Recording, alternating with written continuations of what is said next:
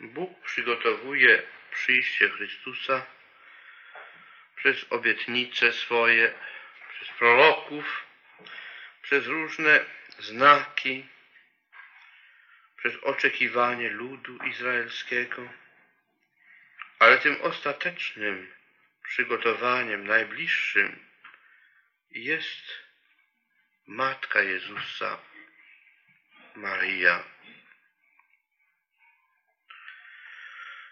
Ona jedyna była przez Boga obrana, ażeby przez nią Chrystus przyszedł na ten świat. Ona jedyna stała się tym punktem spotkania całej ludzkości z przychodzącym Bogiem. Podobnie jak w nocy wszystko jest ciemno, a gdy wstaje dzień, na wysokich górach już szczyty różowieją,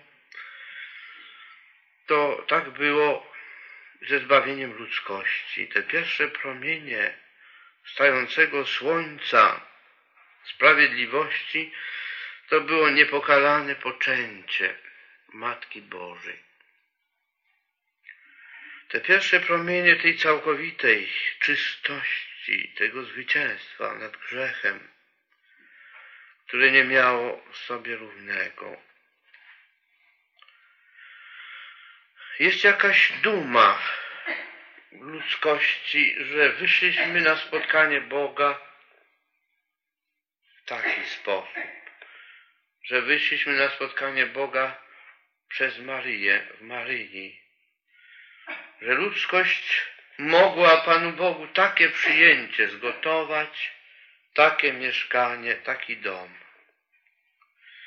Więc Matka Boża jest radością naszą i chlubą.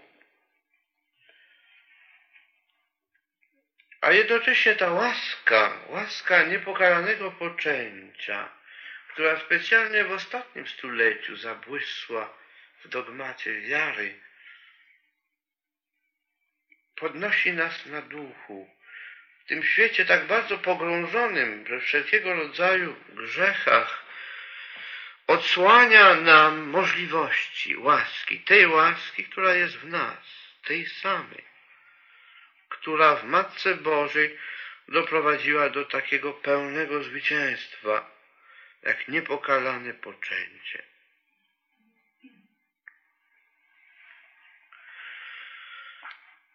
To więc jest nasze zwycięstwo, nas wszystkich w Maryi. Przez to, że ona tak zupełnie była poza zasięgiem zła, że ani chwili nad nią nie miał mocy nieprzyjaciel. Dlatego ona jest tą gwiazdą zaranną, tą, tym natchnieniem ludzkości w dążeniu do czystości, do oczyszczenia naszych serc, naszego życia.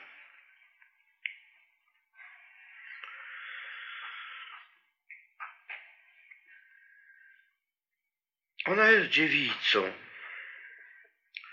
To dziewictwo ślicznie w tych słowach Ewangelii się streszcza. Kiedy mówi jej, mówi Józefowi anioł pański, Józefie, synu Dawidów, nie bój się przyjąć Maryi, małżonki swojej, albowiem co się w niej poczęło, z Ducha Świętego jest. To jest jakby definicja dziewictwa, że nic nie ma skądinąd, że wszystko, co ma, wszystko, co się w niej poczęło, z Ducha Świętego jest.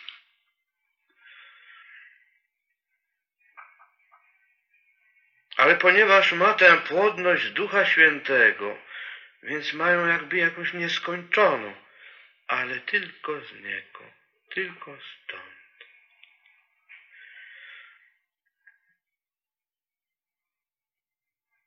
Jest więc w dziewictwie jakieś odseparowanie, żeby nic nie wziąć z tego świata, tylko z Boga żeby wszystkie natchnienia, które kierują życiem, które wyrażają się w słowach i w czynach, żeby wszystkie one z góry były Ducha Świętego. To nie znaczy, że ten świat nie przynosi natchnień, ale one, one są konsekrowane przez Boga. Z Boga przychodzą te zrozumienia, te światła, które życiem i decyzjami woli kierują.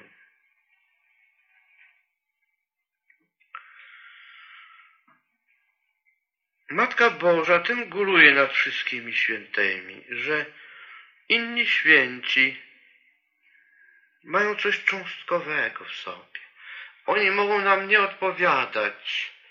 Może nam odpowiadać na przykład święta Teresa od Dzieciątka Jezus, a może na przykład inny święty, powiedzmy święty Alfons Liguory, mniej nam odpowiadać, prawda? Wśród świętych możemy dokonywać pewnego wyboru, zależnie od naszego pociągu i naszego życia wewnętrznego. Matka Boża jest dla wszystkich. Matka Boża wszystkim odpowiada. Do każdej duszy przemawia. Do każdej ma coś do powiedzenia i coś do dania. I można powiedzieć, że życie duchowe każdego człowieka ma swoją historię, historię tę najgłębszą Bożą, bo historia nasza to jest stosunek nasz do Boga. Nasza wierność, nasze niewierności, odejścia, nawrócenia, to jest ta historia człowieka prawdziwa. Nie to, gdzie on był, w jakim mieście, jaki zawód miał, czym się zajmował. To nie to jest historią człowieka. Historia jego to jest jego historia z Bogiem. Ale każda dusza ma jakąś swoją historię też z Matką Bożą. To spotkanie z Matką Bożą, poznanie jej, zbliżenie się Matki Bożej do naszego życia, jej wpływ bardzo dyskretny, macierzyński, głęboki, wychowawczy na naszą duszę.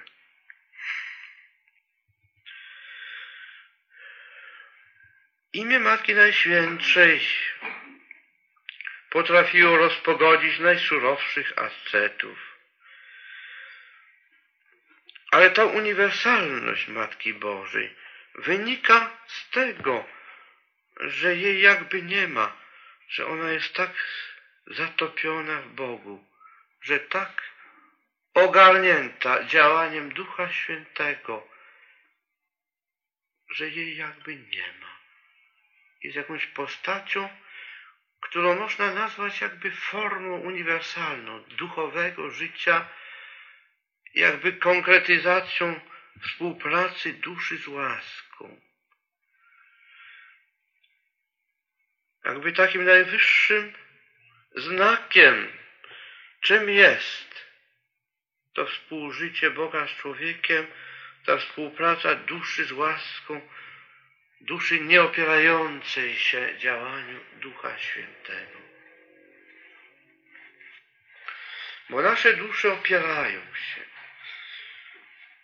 I tak jak lekki wietrzyk nie zdoła poruszyć wielkiego liścia łopianu, tylko gdy mocniejszy jest wiatr, to on się tak sunie po ziemi, to nasze dusze są takie gruboskórne,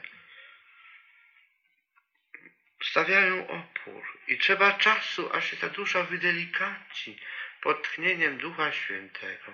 Kiedy wyrosną jej żagle, ale żeby mogła te tchnienia delikatne Boże, których przedtem w ogóle nie, nie rozeznawała, mogła je przyjąć, rozpoznać i za nimi pójść.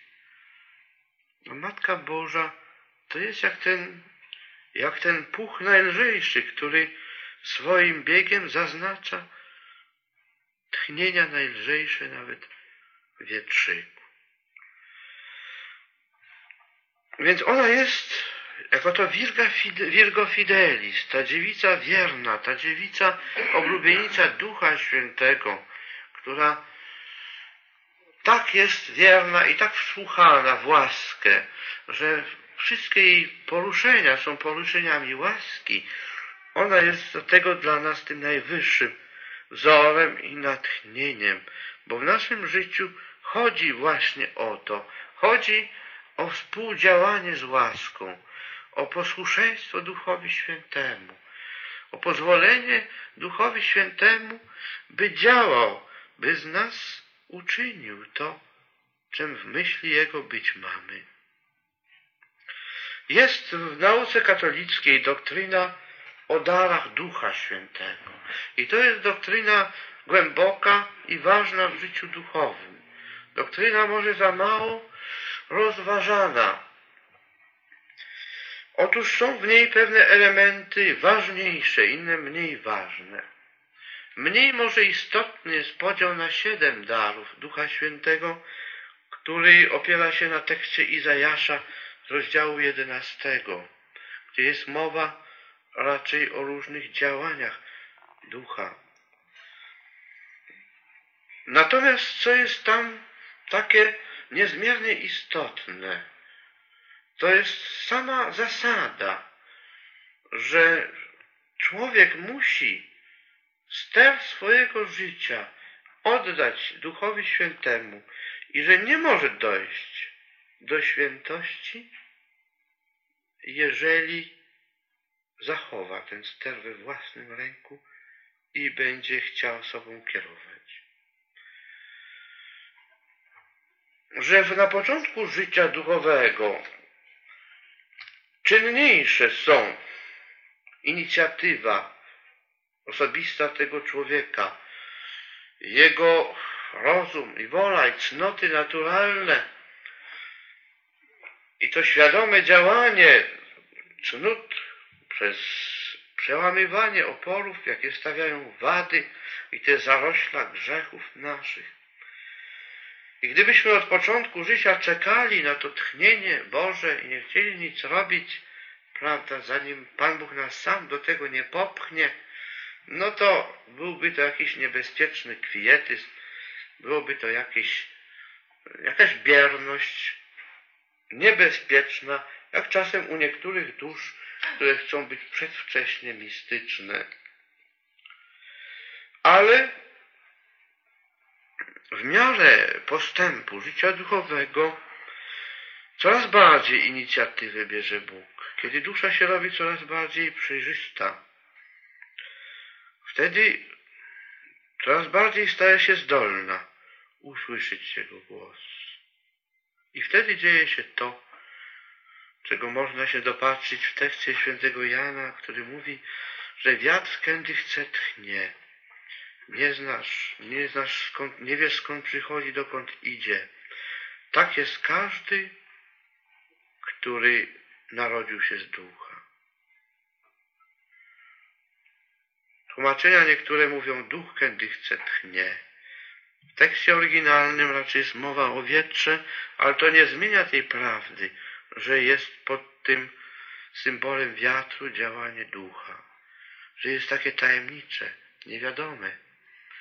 I mówi tekst, że tak jest każdy, który się narodził z ducha, że jest niespodzianką jakąś dla ludzi, że człowiek nie wie, skąd on przychodzi i dokąd idzie, bo on już ma jakąś inną normę, jakąś wyższą normę postępowania.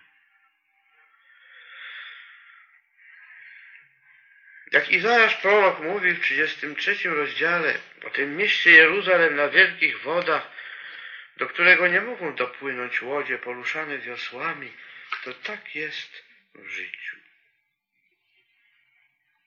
Nie mogą poruszane wiosłami dojść, tylko muszą już poruszane żaglami.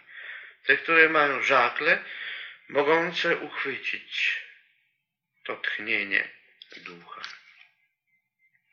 I właśnie te dary Ducha Świętego to są jakby te żagle, to są te delikatne uzdolnienia dusz do rozróżniania, rozpoznawania natchnień Bożych. Człowiek się wtedy zmienia. Człowiek, który przez naturalną wiedzę moralną i wyrobienie sumienia rozróżnia to, co jest słuszne, od tego, co jest niesłuszne, zaczyna odróżniać jeszcze to, co jest Boże, od tego, co jest nieboże.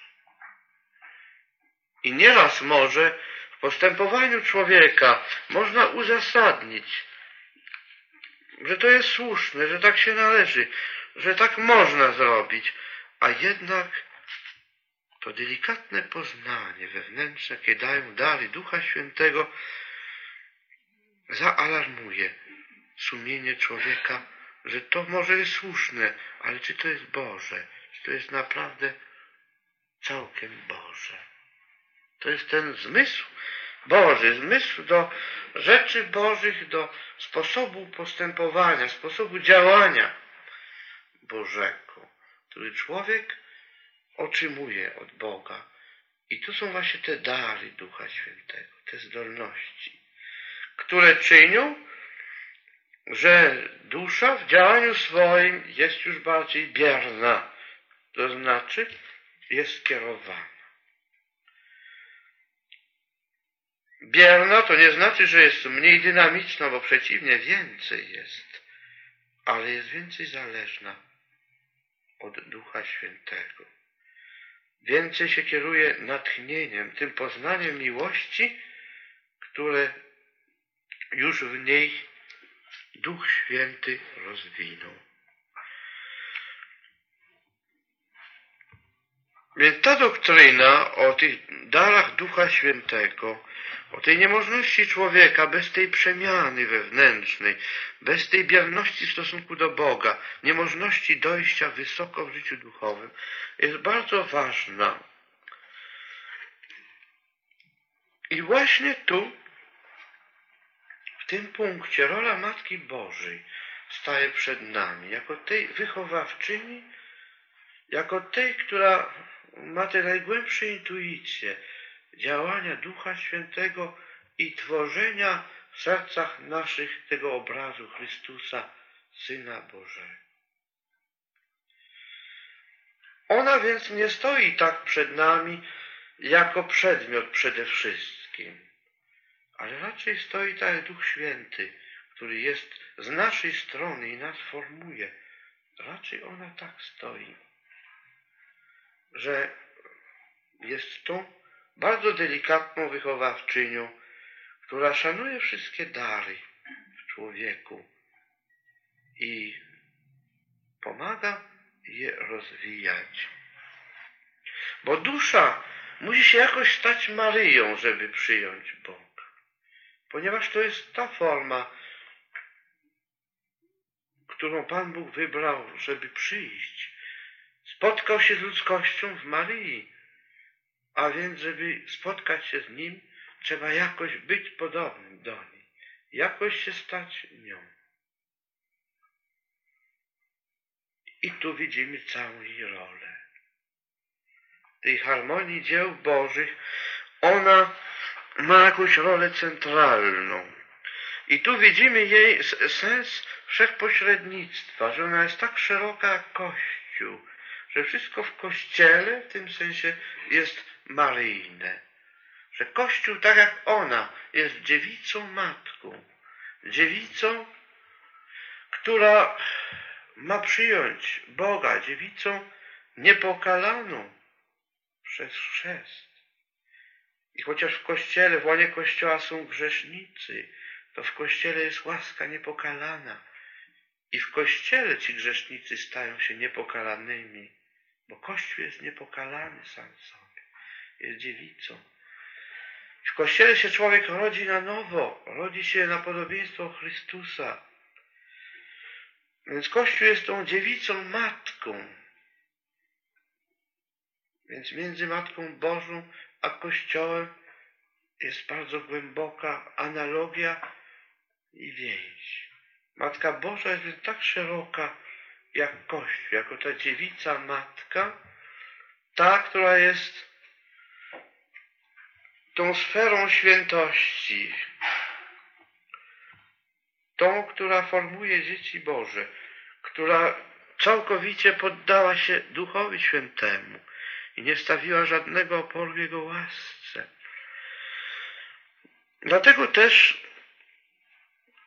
w czci, jaką oddajemy Matce Bożej, musimy mieć z jednej strony ten charakter bardzo dogmatyczny podkreślać tej czci, bardzo oparty na, na prawdzie objawionej, a z drugiej strony to może być bardzo osobiste, bo mamy jakieś osobiste spotkanie z Matką Bożą. Natomiast należy unikać pewnych zawężeń w ujmowaniu czci Matki Bożej. Nie jest słuszne i nie jest dobre, jeżeli się wewnątrz Kościoła robi różnicę między maryjny a niemaryjny, bo wtedy się y, zapomina o tym uniwersalizmie Matki Bożej. Że wszystko, co jest w Kościele, jest jakoś pełne niej. Tak jak w domu rodzinnym, sam dom, sama rodzina, atmosfera domu, jeżeli jest to dobry dom rodzinny, jest przedłużeniem osobowości tej matki, to podobnie w Kościele. W Kościele katolickim, i to jest jego charakterystyczna cecha w stosunku do różnych sekt chrześcijańskich, a nie katolickich, to jest ta obecność wszędzie Matki Bożej.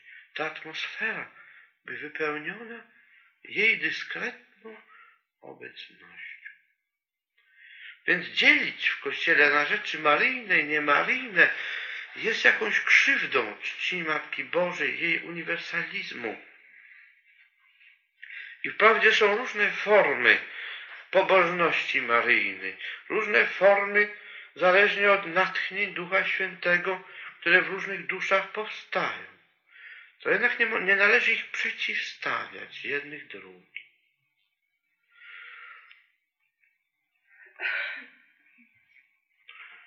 Mówi się na przykład, że per Mariam ad Jezum. To jest prawda w tym sensie, w jakim mówiliśmy. Ale jeżeli się ujmie tak, jak słyszałem jednego rekolekcjonisty, który powiedział, że Matka Boża, per Mariam ad Jezum, to znaczy, że musimy najpierw się zwracać zawsze do Matki Bożej, a potem do Pana Jezusa. Że byłoby pychą i zarozumiałością, gdybyśmy bezpośrednio chcieli do Pana Jezusa mówić, czy do Boga Ojca. To nie jest słuszne. To nie na tym polega to per Mariam ad Jezum, przez Matkę Bożą do Jezusa. Nie chodzi o to. Bo jak powiedziałem, że Matka Boża jakby stoi z naszej strony i my patrzymy razem z nią na Pana Jezusa, a nie stoi jako przedmiot pośredni. A ponieważ ona jest tak doskonałym zwierciadłem, to jakby pierwsze wieki mniej zauważyły nawet jej obecność, właśnie przez doskonałość tego zwierciadła, które tak bardzo odbija przedmiot swój, że jest samo jakby niezauważone. Jeżeli by ktoś chciał w ten sposób do Matki Bożej podchodzić, że bezpośrednio do niej się zwracać, a nie do Pana Jezusa, to co? Czy to źle, czy jest dobrze? Dobrze, jak chcesz. Jak masz takie natchnienie, dobrze. I Kościół powie bardzo dobrze. Może nawet taką pobożność odpuszczami swoimi wzbogaci. Ale to nigdy nie będzie główny nurt pobożności chrześcijańskiej. Podobnie jak na przykład, gdybyś miał takie nabożeństwo do Ducha Świętego, żebyś chciał zwracać się ze wszystkim bezpośrednio do Ducha Świętego, bo my mamy przez Ducha Świętego łączność z Panem Jezusem. Więc chcesz do Ducha Świętego mówić. Dobrze, módl się do Ducha Świętego. Kościół też to pochwali. Masz takie natchnienie. Dobrze, tylko się nie zmuszaj do tego. Bardzo dobrze. Ale ty nie, nie wymyślaj swojej formy pobożności. Bądź wierna łasce. Natomiast to nie będzie nigdy nurtem głównym pobożności chrześcijańskiej. Bo nurt główny jest ten, prawda, przez Chrystusa do Ojca w Duchu Świętym. To jest ten nurt główny liturgii Kościoła. I my patrzymy więcej, patrzymy na Boga, patrzymy na Chrystusa, a oczy nam daje Duch Święty. Dlatego mówi Apokalipsa, Spiritus et sponsa dicum veni. Duch i oblubienica wołają przyjdź. W duchu, mówi święty Paweł, wołamy Abba Pater. W duchu ten Spiritus clamat in nobis, ten duch woła w nas. Duch modli się w nas, mówi święty Paweł, tymi wzdychaniami niewymownymi. To jest ten główny nurt, prawda? Że duch, duch święty jakby w cieniu jest w nas. I my, on nam daje, daje nam modlitwę, rodzi w nas modlitwę, rodzi w nas miłość, rodzi w nas poznanie Chrystusa i poznanie Boga. Ale jeżeli chcemy do Ducha Świętego bezpośrednio się zwracać, bardzo dobrze, bardzo dobrze. Więc podobnie jest i z kultem maryjnym. Te per Maria ad Jezum to nie znaczy, że Matka Boża ma być stale jakimś przedmiotem między. Nie. Matka Boża jest we wszystkim. Ona, jak my się zwracamy do Pana Jezusa, ona też przy nas jest i z nami się modli. Jeżeli my czytamy Pismo Święte, co jest też Słowo wcielone, to ona też je nam w jakiś sposób daje i uprasza nam jego zrozumienie. Jej wpływ wychowawczy, macierzyński jest. Nie, nie forsujmy więc jakiejś formy. Na przykład pobożność według świętego de Montfort dobra jest. Jeżeli masz do tego natchnienie, jeżeli to ci odpowiada, dobrze. Ale nie musi tak być. Nie musi tak być.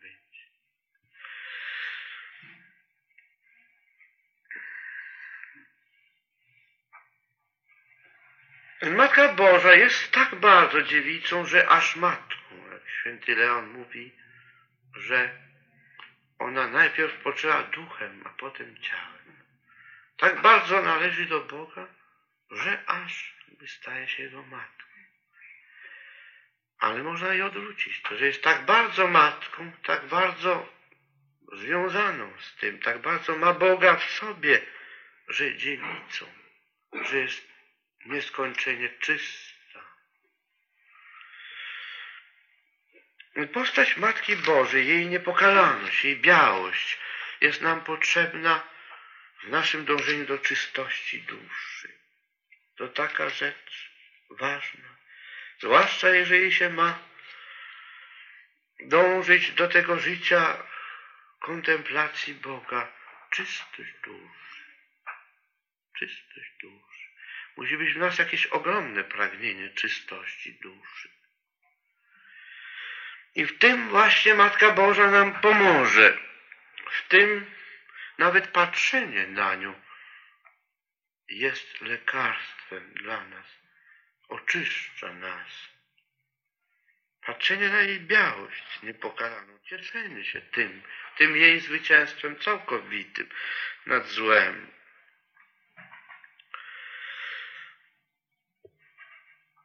My musimy tego bardzo pragnąć, tego oczyszczenia, jak ten trędowaty biedny, który mówi tylko te słowa, Panie, jeśli chcesz, możesz mnie oczyścić.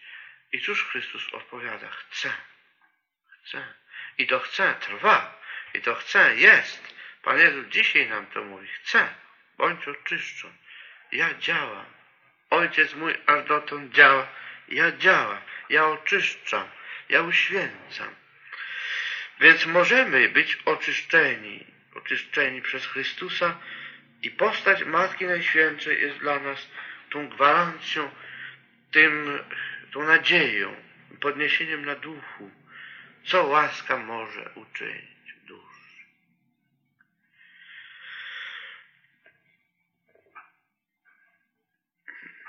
Otóż czystość duszy to nie jest cnota negatywna, to nie jest ta, ta ściana biała, że ona nie jest splamiona, to ona nie jest przez to czysta. Czystość to jest cnota intensywna, to jest tak jak żelazo rozpalone do białości, na które można nawet chlapnąć brudem, ono nie przyjmie, bo jest w nim żar czystości. Na przykład na tej ścianie to można atramentem chlapnąć i już będzie plama bo nie ma w niej intensywnej czystości. A dziewictwo to jest ta intensywna czystość przez miłość do Boga. To to jest ta czystość duszy, która nie przyjmuje skażenia, która się brzydzi, która ma wstręt do tego.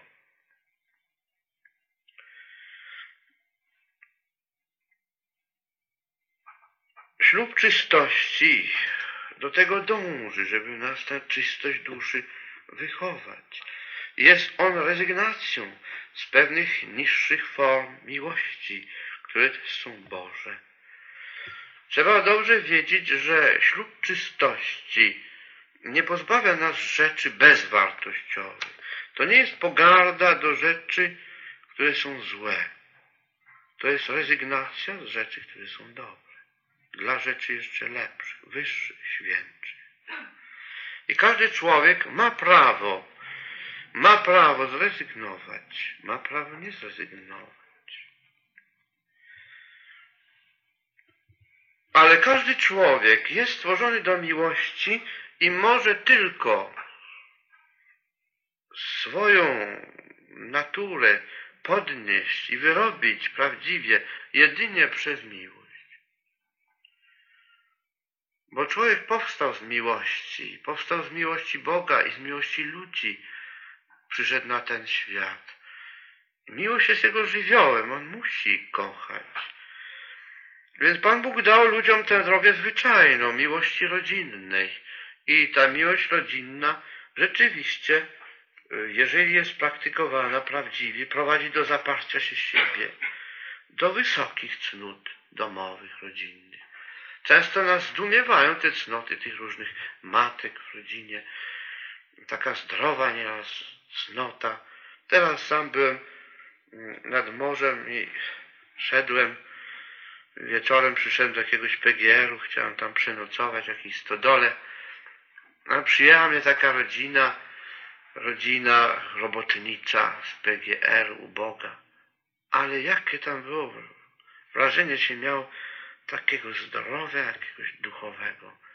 Tam w tym życiu była taka wiara, prostota i praca. Rodzina taka zwarta, solidna. Więc to życie rodzinne, ono wyrabia cnoty, ono wyrabia człowieka, wyrabia miłość w człowieku. Ale człowiek może zrezygnować dla wyższej miłości, a miłości samego Pana Boga. Ale ta rezygnacja z tej niższej formy miłości jest dla człowieka rzeczą trudną i ryzykowną z tego względu, że musi musi pochwycić wtedy miłość Bożą. Bo jeżeli człowiek odetnie sobie tę ludzką, naturalną, rodzinną miłość, a nie uchwyci miłości Bożej i apostolskiej miłości dusz, no to może pozostać w środku, wylądować w miłości własnej, wylądować w kręceniu się koło siebie, w małoskowości, w dziwactwach różnych. Więc to jest dla człowieka bardzo ważna decyzja, ryzykowna decyzja, ta decyzja ucięcia miłości, tamtej naturalnej. Pan Bóg daje mu łaskę, ale musi z tą łaską współpracować, żeby oddać się naprawdę miłości Bożej. I to, że w zakonach czasem są ludzie tacy, no, oziębli, nieudani, to, to wynika z tego właśnie odcięli od siebie miłość tę przyrodzoną, nie pochwycili, zabrakło im siły, zabrakło im wiary, zabrakło im modlitwy, energii, duszy, żeby oddać się miłości Bożej, no i wylądowali w tym pośrodku w miłości własnej. No i potem życie staje się pasmem, pasmem takich małostkowości różnych. Bo to jest porażka, porażka życiowa, porażka w tym, co najważniejsze. W miłości. Problem czystości, problem miłości się mocno ze sobą wiążą. Ślub czystości może być zrealizowany tylko przez miłość, przez miłość taką całkowitą do Boga. Inaczej być nie może.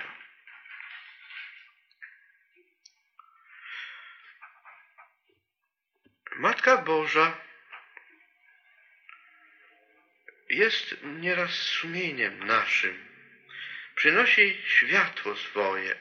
Jest jakieś specjalne światło Matki Bożej, które daje nam rozróżnić to, co jest chrześcijańskie, prawdziwie Boże i z Ducha Świętego. Pamiętam, kiedyś dawałem rekolekcję dla młodzieży w Gdańsku. I to był lipiec, a więc Gdańsk, morze, lipiec, plaża i tak dalej. No, ta młodzież była taka, ale uniwersytecka. To była dobra młodzież, oni mieli bardzo dużo pragnienia, żeby żyć prawdziwie jako chrześcijanie. No więc ja im tam wsypałem trochę o tej plaży, tak dość ostro. Te rzeczy postawiłem i oni się na mnie tam gniewali. Więc ja im tłumaczyłem, że te wszystkie zwyczaje jakie się wprowadza dzisiaj w tej materii, to są pogańskie zwyczaje, nie mają nic w sobie chrześcijańskiego, to jest tylko cielesność jakaś, to nie jest nic Chrystusowego. Oni się z tym nie chcieli zgodzić i tam wrzeli przeciwko mnie. I wtedy, nie mając już innego na nich argumentu, powiedziałem sobie, no wy przemyślcie tę sprawę, ale tak w świetle Matki Bożej niepokalanej. Czy to jest w jej duchu? I wtedy jakoś zrozumieli. Powiedzieli, nie możemy na ten argument nic już odpowiedzieć. Więc Matka Boża przynosi jakieś światło do zrozumienia tego, co jest, co jest Boże, co jest Ducha Świętego.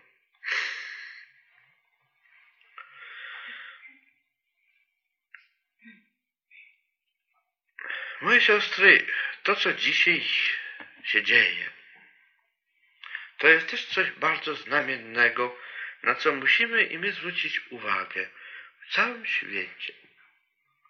Wpływ Matki Bożej staje się jakby większy, jakby konkretniejszy.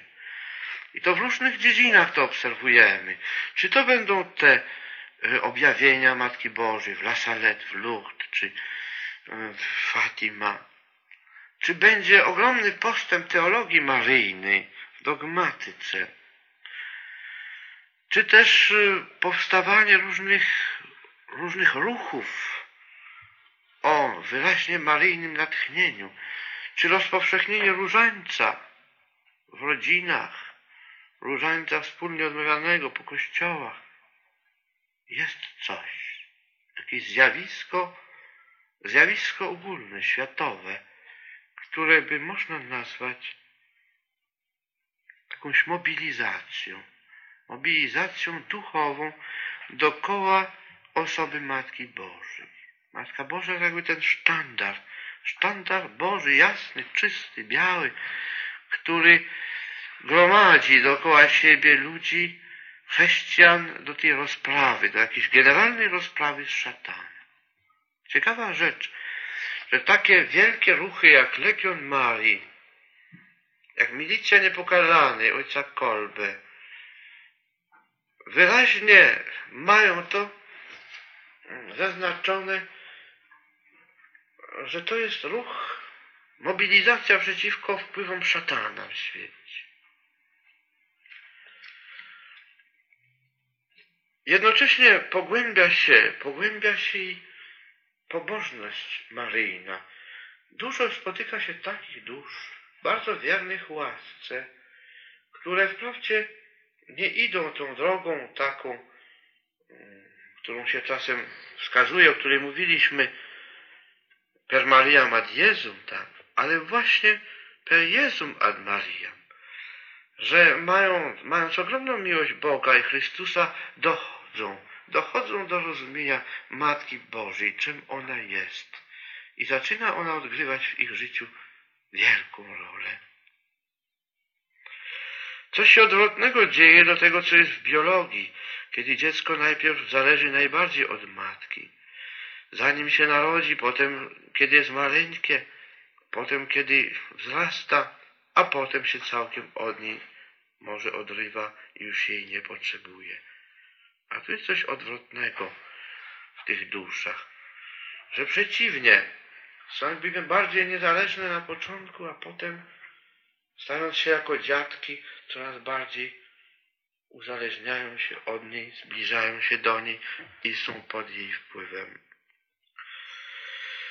Więc ta mobilizacja jakaś ogólna, i ta, do której należy i nasza Wielka Nowenna, i ruch jasnogórski, to wszystko się składa na jakieś wielkie zjawisko Boże o charakterze duchowym, gdzie niepodobna nie rozpoznać działania Ducha Świętego. Jest w tym jakaś wielka nadzieja na rozstrzygnięcie. W świecie jest coś takiego, że w miarę, że jest jakaś korelacja między działaniem szatana i działaniem Matki Bożej. Ta protoewangelia, która na początku dziejów zaznacza ten bój nieprzyjednany między niewiastą a wężem, ta protoewangelia spina całe dzieje ludzkości jakąś klamrą, taką podwójną, bo z drugiej strony w Apokalipsie znowu występuje ta niewiasta i ten wąż, dając jakby sens tych, tym dziejom. I są pewne momenty, gdzie się ta wizja w dziejach jakby intensyfikuje. Jakby ta obecność i szatana, i dziewicy tej niewiasty zwycięskiej staje się bardziej obecna, bardziej żywa, bardziej widzialna. I to właśnie nasze czasy charakteryzuje. Ten sinium manium, ten znak wielki, jak Ojciec Święty Pius XII chciał, żeby się zaczynała ta msza e, w niebowzięcia Matki Bożej. Znak wielki ukazał się na niebie. Bo czasy, jakie przeżywamy, są w szczególny sposób szatańskie. Czyż bowiem nie, nie widać tego w tym strasznym zakłamaniu? Bo kłamstwo jest znakiem szatana. A czy kiedy było kłamstwo takie jak dzisiaj, któremu by służyły takie środki propagandowe, prasa, film, szkoła, książka, przemówienia różnych ludzi, wszystko to, wielkie fundusze, wydaje się na to, na propagandę i to wszystko na usługach kłamstwa, dla zwalczania prawdy Chrystusowej. A czyż kiedyś nienawiść, która jest drugim znakiem szatana, była tak, tak bardzo zarysowana jak dzisiaj? Kiedy całe społeczeństwa stają do walki z Bogiem. Kiedy nienawiść do Boga jest zorganizowana, tępi się wszędzie nie tylko już religię chrześcijańską, ale wszelką religię. Walka jest wypowiedziana wszystkiemu, co się nazywa Bogiem. I chce się z dusz ludzkich wykorzenić nie tylko chrystianizm, ale wszelką religijność, wszelkie uczucia religijne, ażeby nie było nawet możliwości zaszczepienia wiary w tych duszach. Bo laicyzm sam definiuje swoje zadanie jako wyeliminowanie wszystkiego, co jest sakralne z życia. Więc trzeba to widzieć, trzeba to widzieć, widzieć tego szatana. Spojrzeć mu w oczy, widzieć, że te czasy dzisiejsze to nie tylko jakieś systemy komunistyczne, że to ludzie tylko, nie. To są potęgi, które działają. A jednocześnie pojawia się w duszach ludzkich, co też jest znakiem, że działania szatana jakieś zamglenie. Sumień, zamglenie sumień. Ludzie nie mają poczucia grzechu. Tak mało jest prawdziwej skruchy, tak się wszystko tłumaczy. Nauka wszystko tłumaczy. Ludzie, którzy są pod wrażeniem nauki, nie wierzą już w wolność woli, bo uważają, że to jest determinizm jakiś psychologiczny, determinizm fizjologiczny, determinizm dziedzictwa, dziedziczności i tak dalej, i tak dalej. A więc grzechu nie ma.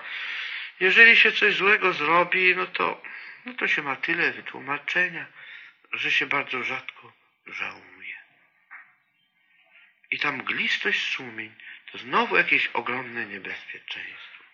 I w tym wszystkim Kościół stawia przed nami Matkę Bożą. Że Matka Boża jest dla każdego z nas, każdego z nas natchnieniem, każdego z nas wzorem, dla każdego z nas jest matką i przewodniczką. W nabożeństwie do Matki Bożej więc, które każdy powinien mieć, każdy katolik, specjalne nabożeństwo do Matki Bożej, ale idźmy za natchnieniem Ducha Świętego, tak jak nam Pan Bóg sam daje, jak nam Matka Boża sama się udziela. Ale starajmy się o Matce Bożej jednak wiedzieć, rozmyślać o niej, zbliżyć się jakoś do niej, może przez jakieś lektury, jeżeli może mało na ten temat czytaliśmy, ażeby pogłębić w nas to, co stanowi takie wyraźne znamie należenia do Chrystusa. Bo Chrystus na krzyżu dał nam Matkę swoją i jednocześnie oddał nas jej. Powiedział, oto Matka Twoja, oto Syn Twój do ja. Więc oddał nam ją i oddał nas jej. I to uczynił na krzyżu. A my przy tym krzyżu stoimy codziennie przy ołtarzu nam przy świętej i tam również to się dzieje. Tam również przy tym krzyżu na ołtarzu Pan Bóg nas oddaje w szczególny sposób swojej matce i ją oddaje nam.